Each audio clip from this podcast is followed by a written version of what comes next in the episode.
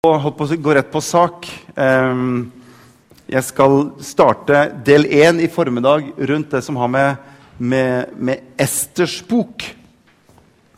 Eh, og Den kommer jeg til å dele i to. Slik at jeg har første del i eh, dag, og så kommer jeg til å ha del to i jeg tror det er 12. mai. Kan det stemme? Tiende Noen andre gode ideer? Er tiende rundt cirka der? Ja, Vi møtes tiende, i hvert fall, så ser vi hva som skjer. Da kommer jeg til å ha del to i dette som har med, med Ester å gjøre. Vi skal få opp første bilde på, på, på dette som, som har med Ester å gjøre. Jeg har bare lyst til å ta litt og så vise dere litt grann, utgangspunktet for det som jeg ønsker å dele i formiddag. Eh, Perserriket på denne tiden her er et enormt stort rike. Eh, Perserriket er såpass stort at det går helt fra Etiopia i Afrika og helt øst til India på denne tiden her rundt 500, litt under 500 før Kristus. Det er ikke mange årene før dette at perserne gikk inn og tok det babylonske riket. Og det var det som gjorde at han ble så enormt stort, for det babyloniske riket var ganske stort også det på denne tiden her. Eh, hvis du ser til, til, Helt oppi venstre her, så står det Grekeland. og Perserne var kontinuerlig i krig med grekerne. Og på en eller annen måte så var grekerne en nøtt å knekke for perserne. Eh, så på den tiden her så er det en mann som heter Dareios, som egentlig er pappaen til han som er konge i Esters bok. Han er i krig mot Grekeland, har samlet store krefter for å prøve å gå inn og ta Grekeland, men får det ikke helt til. Han mister veldig veldig mange menn, og selv så dør Dareios, kongen til Sereksos, som vi skal høre litt om etterpå. Han dør i denne kampen. Og de vender tilbake til Susa, som er på en måte hovedkvarteret i det persiske riket. Man regner med at ca. 50 millioner mennesker bor i det persiske riket på denne tiden. her. Så når Dareios dør, så er det hans sønn Aserus som er hans egentlige navn. men De kaller han bare Serexus. Serexus er på en måte en slags form for tittel på kongen i Persia. På samme måte som du har farao, du har keiser eller konge, så er, så er Serexus det er på en måte, det er tittelnavnet på han som da tar over etter sin far Dareios på denne tiden her. Og Det er i den tiden der vi går inn i Esters bok. Og Det er der jeg har lyst til å på en måte ta dere med litt inn og dele. Jeg kommer til å fortelle dere, jeg kommer til å være fortelleren Morten i formiddag og fortelle dere mye historien om Ester. Og så kommer jeg neste gang i del 2 til å gå inn, og gå inn i teksten og se hva er det som skjuler seg i teksten rundt dette med Esters bok, som ligger i fortellingen, som vi kan hente ut ifra Esters bok. og eh, finne hemmeligheter som står der. Du kan få opp, kan få opp neste, neste, bilde. Esters bok er egentlig en av to bøker i Bibelen hvor Guds navn ikke nevnes en eneste gang. Ikke engang finner du ordet Gud i Esters bok. Eh, Høysangen er den andre boken hvor du heller ikke finner ordet Gud nevnt. Så Det er to bøker i Bibelen som ikke har ordet Gud med seg. Det er Esters bok, og så er det Høysangen. Likevel, når du leser Esters bok, så er det fantastisk å se. Selv om ikke Gud nevnes på en måte hva skal vi si, med navns nevnelse, så merker du hvordan han jobber i hele tiden i kulissene i Esters bok.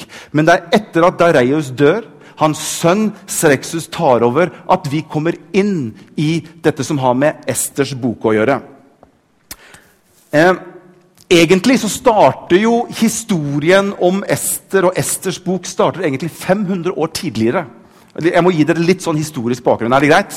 Det blir litt sånn historietime. Det starter egentlig 500 år tidligere under kong Saul i Israel, som er Israels første konge. Han får befaling gjennom profeten Samuel om å gå og ta amalekittene og drepe alle sammen og utrydde alle sammen pga. den grusomheten som foregår blant amalekittene. Blant annet så driver de med store ofringer av barn til sine guder. Og Gud gir beskjed gjennom profeten Samuel dette kan vi ikke ha lenger. Dere er nødt til å gå til krig mot amalekittene, og jeg vil at dere skal utrydde hver eneste en. Det er jo forferdelig å, å, å, å, lese sånne ting, men, men det er i hvert fall det han fikk beskjed om. Saul gjør det, men han sparer livet til kongen blant amalekittene, som heter Agag, og tar han med tilbake. Og når profeten Samuel får vite at kong Saul har spart livet til Agag vet ikke om dere husker når jeg snakket om kong David, når, når profeten Samuel til, kommer til Saul og sier at i dag har ditt rike blitt revet ut av dine hender. Det er når kong, når kong Saul er ulydig og ikke tar og fjerner alle sammen som skal fjernes. Saul trodde han kanskje liksom gjorde en god gjerning. hans. Når, når profeten Samuel kommer, sier han du, jeg har faktisk spart livet til kongen. Og da blir jo Samuel forferda. Han blir så sint. Så du har ikke hørt på den befaling som Gud har gitt deg. Han har sagt veldig klart ingen skal spares ut ifra den grusomheten og den ondskapen som skjer. Gud spa, Sam, nei, Saul prøver å spare livet til Agag. Profeten Samuel går inn og tar livet av Agag umiddelbart. Det man regner med, det er at dronningen blant amalekittene, kona til Agag, slipper unna og er gravid. Og hun overlever fordi at du skal se senere inn i historien med Ester, så er det en mann inne i den historien som heter Haman. Som er en agagitt, som er av nedstamningen ifra kong Agag. Og han er med inne i historien i dette som har med Esters bok å gjøre. Så det at når ikke kong Saul gjorde som han hadde fått beskjed om, så skaper det en konsekvens på dette tidspunktet 500 år før Esters bok kommer inn i bildet. Og så går vi inn i historien med Ester. Pappaen til Serexos er død. Serexos tar over i, i, i kongeriket, i Perserriket, dette svære riket. Og tre år ut i sin regjeringstid så setter Serexos i gang en vanvittig stor fest for alle sine tjenestemenn, alle sine ledere og generaler, alle sine prinser, alle sine hoffmenn i byen Susa, i sin egen borg. En syv dager lang fest hvor han inviterer alle sine store gjester til en vanvittig stor fest.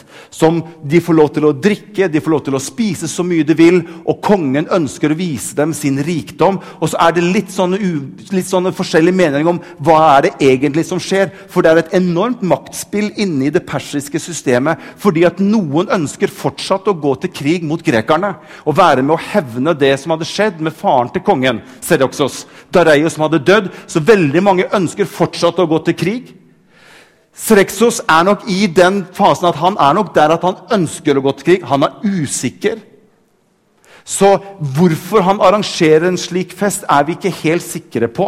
Men det som skjer, i hvert fall, det er at på slutten av de syv dagene så begynner de å etterspørre dronningen til Serexos, som heter Varsti. Som går for å være meget, meget vakker. Og på slutten så sier de 'Vis oss dronningen, så vi får se henne i all hennes skjønnhet'. Og kongen gir bud og sier, 'Før Varsti til oss, så folket får se dronningen sin'. Det som er, det er at Dronningen selv har et selskap parallelt med kongen sitt. I opposisjon mot festen til kongen. For hun er ikke så sikker på om hun ønsker at vi skal gå til krig mot grekerne.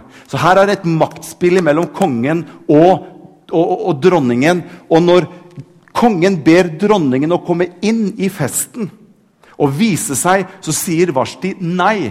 Når kongen tiltaler, når kongen kaller deg inn, så kommer du. Det var bare med lov. Du nekter ikke det. Det er det samme som å si at 'jeg avslutter livet mitt her og nå'. Så når dronningen nekter, og, og alle rådmennene kommer til kong Serexos og sier dronningen nekter å komme og vise seg fram, så setter kongen seg ned med sine rådsmenn og sier 'Hva gjør jeg nå?' Det her er jo flaut. Det her er jo krise. Hun sier nei når jeg befaler dronningen om å komme inn og vise seg.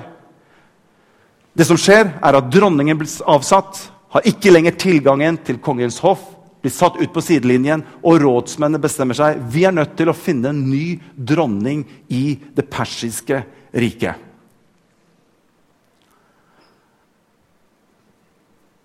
En dronning på den tiden hadde også en veldig sånn samlende effekt. Hun var ikke bare der for å være skjønn og pen. Hun hadde en veldig samlende effekt. Så kong Exrexos han visste det at hvis jeg skal gå til krig mot grekerne, så trenger jeg en dronning på hjemmebane som kan virke samlende for folket. For Hvis ikke så vil det bare bli totalt anarki og totalt rot på hjemmebane. Så det å få inn en ny dronning det var veldig, veldig viktig for de. Så de utsteder en befaling ut i alle de 127 provinsene i hele Perserriket. At de skal plukke ut så mange pene jomfruer som mulig og bringe dem til kongens harem i Susa, slik at kongen kan få lov til å gå og sjekke og plukke seg ut en ny dronning. Ja, lykke til. Det gjør de. De samler så mange jomfruer de greier i hele Perserriket får dem inn til Susa. Og de setter i gang denne prosessen med å finne en ny dronning for denne mektige, mektige kongen Srekses. Mordekai, som du ser oppe til høyre, er også en interessant helt i dette kapitlet her, i denne boken her. Mordekai er fetter til hun som vi kaller for Ester.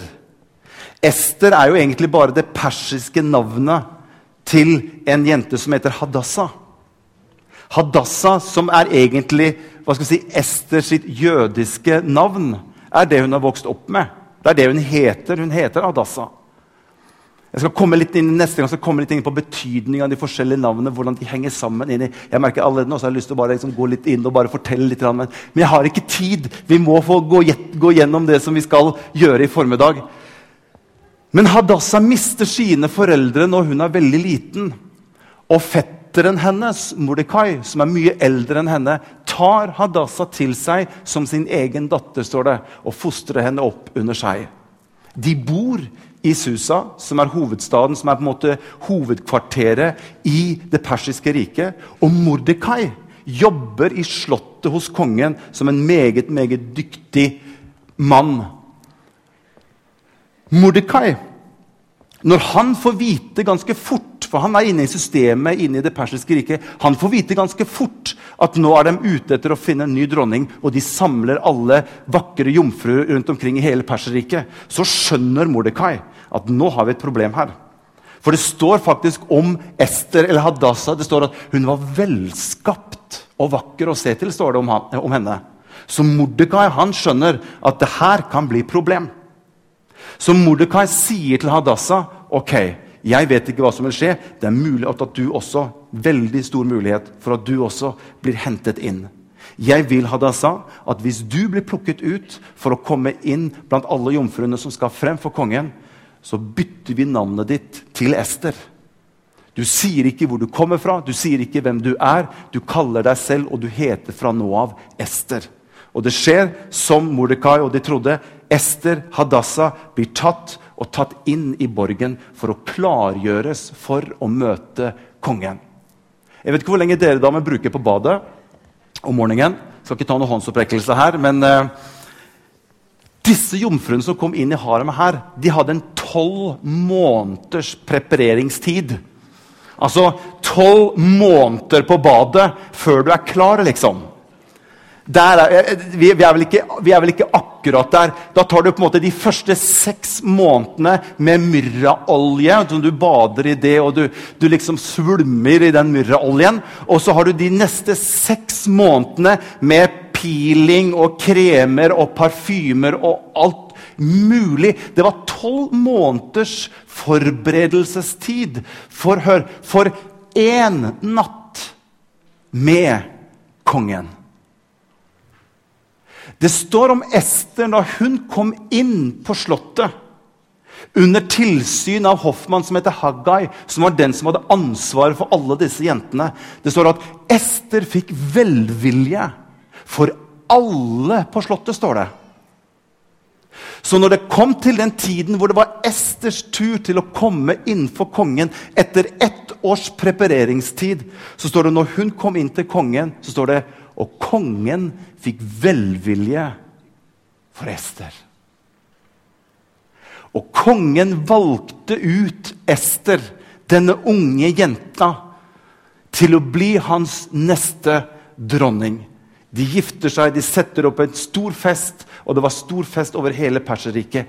Og Ester, som var en liten jente som vokste opp hos sin fetter Mordekai, blir valgt ut til å bli den neste dronning i det store Perserriket på den tiden. Bare se hvordan Gud fungerer i det skjulte bak, selv om du ikke hører om han, selv om du på en måte sånn sett ikke greier å lese så mye om han, så er Gud i kulissene. Selv om du tilsynelatende ikke greier helt å se Gud, hvor er du hen? Hva skjer? Gud er med. Gud er der, og han har kontroll over det han holder på med. Henger dere med? Får dere noe ut av det? Bra. Det er en, en, en, en til hovedperson inni dette. Det er han som er nede til høyre, som heter Haman. Haman han er en, som jeg nevnte i sted, han kommer ifra kong Agag. Hans slektsledd går helt opp til kong Hagag. Så på en eller annen måte så er han inne i systemet her. Og det virker som at det som Israel, det som kong Saul gjorde mot amalekittene på den tiden, fortsatt ligger i som en hevnlyst mot jødene. Og Haman han har en enormt stor posisjon langt inne i kongens slott og er respektert av mange. Men hør, Haman går rundt, og han har et hat og han har noe som ligger i hans hjerte. Han ønsker å hevne det som israelittene gjorde mot dem for 500 år siden. Han er en viktig brikke inni alt det som skjer i, i Slottet. Du vet at I et slott så er det mye maktkamp. Der hvor det er mye makt, er det mye maktkamp.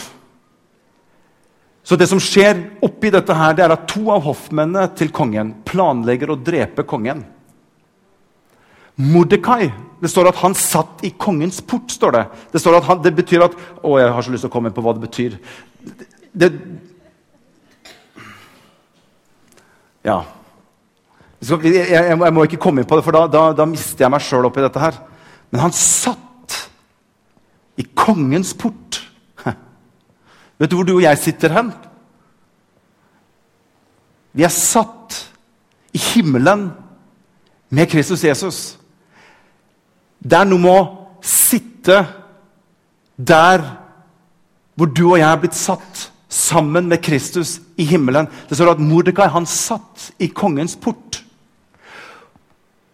Og den onde begynner å fungere veldig sterkt.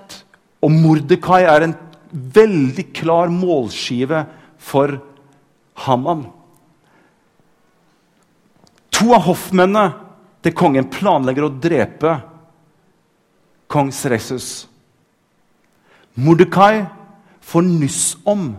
Det er noe som gjør at han bare oppfatter at fienden er på vei. Det har noe med å tefte når du er sammen med Jesus. Det har noe med å fange opp at ting er på gang. Han teftet at noe er på gang, og han greier å avsløre at to stykker planlegger å drepe kongen. Så Mordegai går til Ester, og så sier han at det er to stykker av kongens hoffmenn som planlegger å drepe kongen. Ester går til sin konge og forteller om dette. Saken blir undersøkt, og det viser seg å være sant. Og det blir skrevet i Persias krønikebøker at det var et attentat som var planlagt, og Mordekai var den som hadde oppdaget at kongen skulle drepes. Det som er litt rart oppi dette, her, det er at i dette tilfellet her, så blir det totalt glemt at Mordekai var den som hadde oppdaget det. Det skjer ingenting mer, men det blir skrevet ned i krønikebøkene. Det er litt interessant. Det som skjer etterpå, det er at Hoff, eh, han, eh, Haman blir enda høyere opphøyet i det persiske riket og får en fantastisk posisjon nest under selveste kongen i riket. Og han får en enorm innflytelse, og hatet til jødene vokser og vokser for hver eneste dag i Haman sitt liv. Han fikk en sånn høy posisjon som gjorde at, at ritualet på den tiden var at hvis han kom inn i et rom så måtte alle som var i rommet, bøye seg ned og knele for Haman når han kom inn. Det som skjer, det er at Mordekai får et problem med det. For han er så tett innpå disse. Og så begynner ting å skje. sånn at når Haman kommer inn i et rom, og Mordekai er der, så bøyer alle seg, men Mordekai nekter å bøye seg. Haman vet ikke at Mordekai enda er en jøde. Han, han, han, han tør ikke enda å legge hånden på, på Mordekai. For Han er litt usikker på hva det er for Mordekai. hadde også en bra posisjon inne i makteliten hos kongen. Men hatet hos Haman vokser og vokser. Til slutt så får Haman vite at Mordekai han er jøde, han også. Og da er det akkurat som det tilter for Haman. I stedet for bare å gå på Mordekai, så ønsker han å bruke dette ikke bare for å ta én mann, men for å ta hele folket. Alle jødene. Så Haman går inn på kongen som en slange og begynner å forføre kongens sinn. Og begynner å sette hele jødefolket opp imot kongen og sier at det fins et folk konge, boende iblant deg som ikke er villig til å høre på de lovene og reglene som du, kjære konge, er herre over. Og det er jødene. Faktisk så gikk det rykter om at jødene sympatiserte med grekerne. og Derfor så jobbet de også mot internt i riket for at ikke, Israel, for at ikke perserne skal gå i krig mot grekerne. Og Haman begynner å sette opp dette opp imot kongen. Og til slutt så greier Haman å overbevise kongen om vi tar livet av hver eneste jøde i hele det persiske riket. Når de sitter og snakker sammen, så sier, til, til, eh, så sier Haman til kongen at hvis du er med på det her, så skal jeg personlig ta og bruke noe av pengene mine. For skjønne, Jødene har mye penger, de har mye verdisaker rundt i Perserriket. Det som er en fordel for oss, det er at hvis vi får ta de av dage, så kan jeg personlig være med å betale for å sette folk i arbeid med å være å ta inn alle verdisakene de har i hele Perserriket, og få det inn i skattkamrene her i Susa, som gjør at vi har mer kapital til selv å kunne gå til krig mot grekerne. Og dette dette liker nok kongen som hører på disse tingene. For det å være i krig, det koster veldig mye penger. Og så sier, så sier kongen noe til Haman. Se, Vi skal få det opp på skjermen her. Serekse sier til Haman Sølvpengene er dine. Men med folket, jødene, kan du gjøre som du vil. Har dere hørt om sølvpenger før? Om noen som ble solgt for sølvpenger. Jeg skal ikke komme inn på det i dag. Det den, var den 10. mai vi fant ut at vi skulle møtes igjen. Så blir det bestemt. Så sitter Haman og kongen seg ned. så blir det bestemt. De samler sammen hele rådet. Så bestemmer de seg for å kaste lodd om hvilken dag skal vi utrydde alle jødene. Haman sitter og kaster lodd. Så finner de ut at de, de, de, kaster lodd, og så finner de ut at den 13. dagen i den 12. måneden i den hebraiske måneden som heter Adar, da skal vi drepe alle jødene som fins i hele Perserriket. Og det går et skriv ut med ildbud, som de kalte det, til alle de 127 provinsene med befaling om at den 13. i den 12. måned, på én dag, skal alle jøder drepes.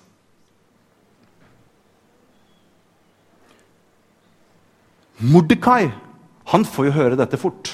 Han er jo tett oppå dette. Mordekai blir fra seg av skrekk. Det står at Mordekai tok sin skjortel og rev den i stykker. Og kledde seg i sekk og i aske, og han gikk ned på torget og ropte ut sin nød for hvordan situasjonen var. Og så begynner han å sende bud inn til Ester. For det sprer seg, Du kan bare tenke deg selv, Når ryktet om dette begynner å gå ut, så sprer det seg en enorm redsel blant jødene i Perserriket. Og Mordekai sender bud om dette til Ester, om hva som er i ferd med å skje. Ester er jo bekymret for Mordekai. Så Ester hun sender med noen klær som gjør at han kan ta på seg de klærne, så han ikke er så veldig synlig jøde. Mordekai vil ikke høre på Ester. Det er litt rart, for at Mordekai ber jo Ester om å være forsiktig og ikke uttale noen ting. Men selv så vil han ikke høre på hva Ester sier til han om å være forsiktig. Så han bruker ikke de klærne, men han sender et bud inn til Ester. Og Det er fantastisk å se hvor strategisk Gud er midt oppi denne situasjonen. For Mordekai ber Ester om å gå innenfor kongen. Denne jenta som hadde funnet velvilje hos kongen. Og Mordegai sier til Ester, 'Ester,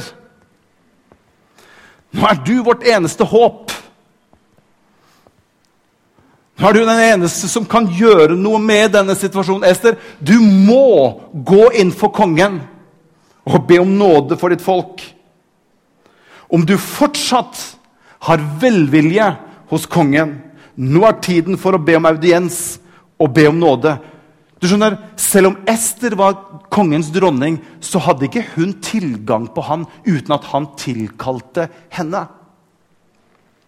På den tiden her så var det lenge siden Ester hadde vært hos kongen. Får dere med dette her? Kongens trone i borgen var plassert på et sted som het Den innerste gårdsplass. Interessant. Er det noen som har hørt om det aller helligste? Den var plassert i den innerste gårdsplass. Og ingen kunne komme inn dit hvis ikke du var invitert inn. Kom du inn der uinvitert, så var du i utgangspunktet død. Hvis ikke kongen tok sitt septer og løftet det mot deg og ga deg nåde. Dette vet Ester.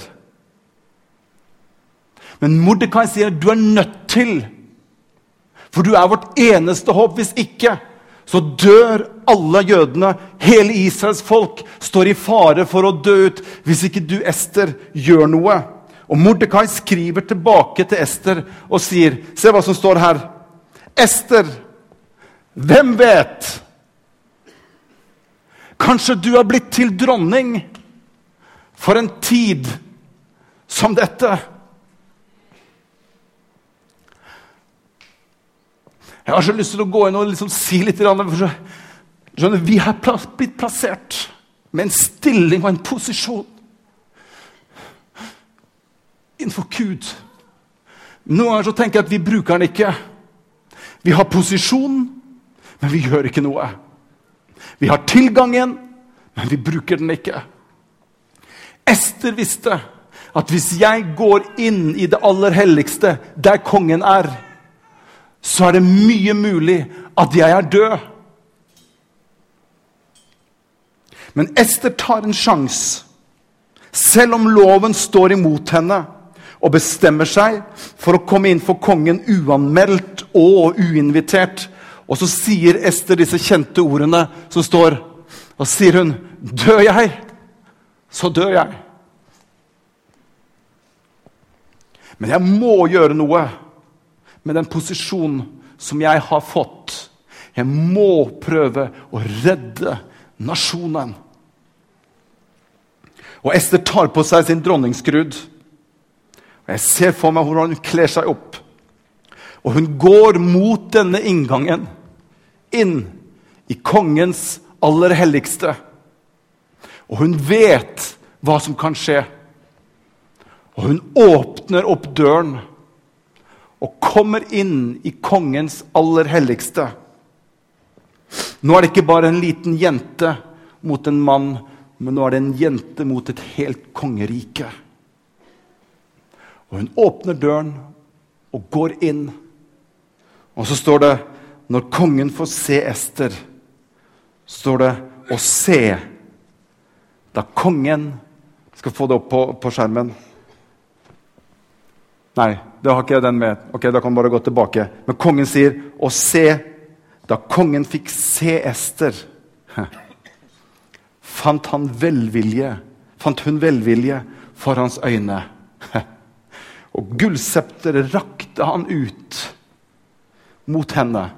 Og står det Og Ester gikk nærmere og rørte ved enden av septeret. Hun reddet hele nasjonen. Og kongen spør Ester hun står der, Tenk der alle, hele makteliten som står der og følger med. Hva vil kongen gjøre nå? Er, hva, er, han tøff nå, eller hva er han for noe? Og Hun kommer inn der og tar sjansen på og sier, 'Dør jeg, så dør jeg.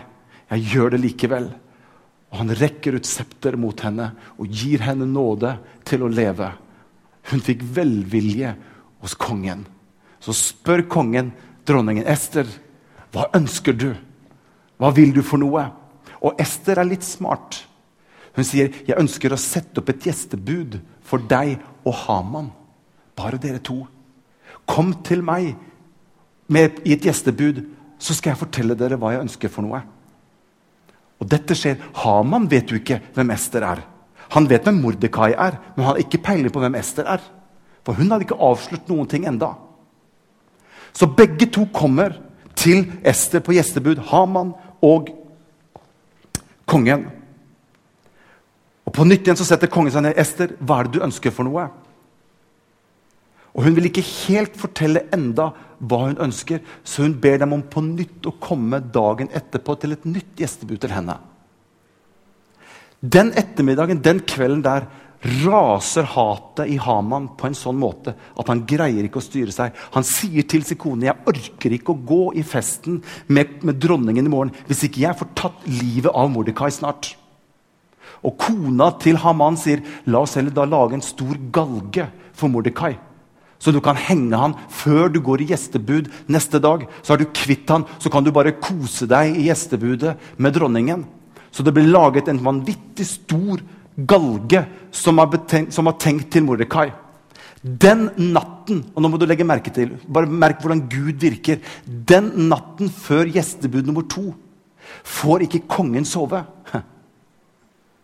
Han er urolig på natten og står opp og begynner å lese i krønikerne i det persiske riket, som er dagbøken hvor man fører opp alt som skjer. Tilfeldigvis så kommer han over og leser om hva som egentlig skjedde med de to hoffmennene som hadde egentlig tenkt å ta livet av ham. Så leser han plutselig at det var jo Mordekai som hadde kommet og gitt beskjed om. var han som hadde oppdaget det. Så når kongen kommer på jobb om morgenen etterpå, så spør han en av sine nærmeste medarbeidere Vet dere om Mordekai ble belønnet på noen måte? Satte vi pris på han? Det var jo tross alt han som, som, som reddet meg, sier han. Så sier han nei, det har ikke blitt gjort noe pris på Mordekai. Akkurat i det momentet der kommer broder, ikke broder, kommer Haman inn i bildet. Og kongen tilkaller Haman inn til seg. Dette her er litt morsomt. Og Haman kommer inn for kongen. Og så står det noe Jeg tror jeg har fått med det her. Skjønner, Akkurat i det øyeblikket hvor Haman er der, så spør For Haman hadde begynt å bli litt stor i seg sjøl. Så sier kongen til Haman gå, Nå er jeg snart på, på, vei til å avslutte. Så sier han til Haman Vi må få, få det opp på skjermen. Til den mannen som kongen vil ære fordi at kongen sier til Haman du, hvis vi skulle satt pris på en person virkelig, hvis du, hvis du skulle liksom tenke at kongen virkelig skulle sette pris på en som har gjort noe fantastisk bra, hvordan ville du at kongen skulle gjort det? Og da tenker jo Haman med seg sjøl det er sikkert meg han har tenkt å gi noe skikkelig bra til. Og du skjønner klart, Så lenge det går til meg, så har vi jo en liten evne til å kunne spe på litt. Liksom. Ja, nei Og så sier Haman tilbake til den mannen som kongen vil ære. Skal han få hentet en kongelig kledning som kongen selv har hatt på seg? Og en hest som kongen selv har ridd på, og som har en kongelig krone på sitt hode? La så denne kledningen og hesten bli gitt til en mann blant kongens mest ærverdige fyrster. La dem kle mannen som kongen ville vise ære. La ham så ri på hesteryggen ut på det store torget i byen, og det skal ropes ut for ham.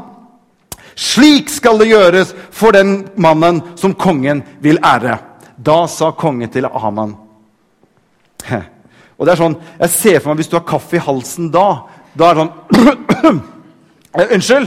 Så sier kongen til Haman, skynd deg ta kledningen og hesten, slik du selv har foreslått, og gjør dette for jøden Mordekai, som sitter i kongens port. Bare bli sittende. Når den onde er ute etter deg, bli sittende. Han har satt meg i himmelen med Kristus Jesus. Den onde ønsker å prøve å få deg til å reise deg og bøye deg. Men bli sittende. Mordekai, han satt i kongens port. Ha. Skynd deg, ta kledningen og hesten, slik du selv har foreslått, og gjør dette for jøden Mordekai, som sitter i kongens port. Ikke den minste ting av alt det du har sagt, skal forsømmes. Er ikke dette bra, så vet ikke jeg. Det er bare Gud som greier å få til sånne ting som dette. Som er i kontroll. Så kommer kongen skal gå til avslutning, så kommer kongen og Haman på nytt til Ester den kvelden. Vi kan få opp, få opp lovsangene, så skal jeg avslutte her. Den andre dagen så kommer kongen og Haman til Esters gjestebud. Mens de sitter og spiser og de sitter og drikker, så på nytt så spør kongen, Haman, nei, kongen Ester Ester, hva er det du har på hjertet ditt? Hva er det du ønsker? Og så begynner Ester å si hvis jeg har fortsatt velvilje hos deg, konge, så vil jeg fortelle deg hvordan det står til. Mitt egentlige navn er Hadassah. Jeg er en jødisk jente som har funnet velvilje hos kongen. Hele vår nasjon er i ferd med å bli drept. Hvis du fortsatt har velvilje for meg, så ber jeg deg om at du stopper at folket mitt går under. Dette kommer som et sjokk på kongen. Og Det står at kongen reiste seg og gikk ut av gjestebudet. Når kongen kommer tilbake, så virker det som Haman begynner å få problemer med situasjonen. Han vet ikke helt hva han skal gjøre, så han begynner å be Ester hjelp meg. Nå tror jeg at jeg er ille ute. Så står det når kongen kommer tilbake, i det så ramler Haman over Ester. Og da tennes en vrede hos kongen. Sier, 'Prøver du selv å ta dronningen i mitt eget hus?' Ta han, sier kongen, og heng han. Så er det en av de nærmeste medarbeiderne til kongen som sier, 'Du, jeg lurer på om ikke vi har en stor Det er jo, er jo fælt å le av, vet du, men jeg tror ikke, lurer på om ikke vi har en stor galge stående et sted. Heng han i den! Den som var tenkt for Mordekai, ble Haman selv hengt i. Og Gud og kongen tar Ester og Mordekai, og han setter Mordekai som den øverste sjef rett under seg, og han får signeringsringen ifra kongen selv, som er den høyeste autoritet i hele Perserriket, og gir den til Mordekai og sier at dere står fritt til å skrive en ny befaling som dere kan sende ut i hele provinsen, som det, som det passer dere best. Og Mordekai skriver et nytt brev, og det sendes med ildbud i til hele provinsen at på den 13. dag så skal det ikke være noe som skal skje. Og ut ifra det så kommer fest og glede tilbake til jødefolket. Og ut ifra det så har vi den festen som heter Purim. Hvor man feirer hvordan Ester og Mordekai reddet hele nasjonen fra å bli utslettet. Og i stedet for at det var sorg, så vendte Gud sorg til glede. Han vendte mine sørgeklær til dans for seg. Det er bare Gud som kan slikt. Og han redder. Og Ester, denne jenta som fikk velvilje hos kongen, var redningen for hele Israels folk. Skal vi reise oss opp, alle sammen? Halleluja.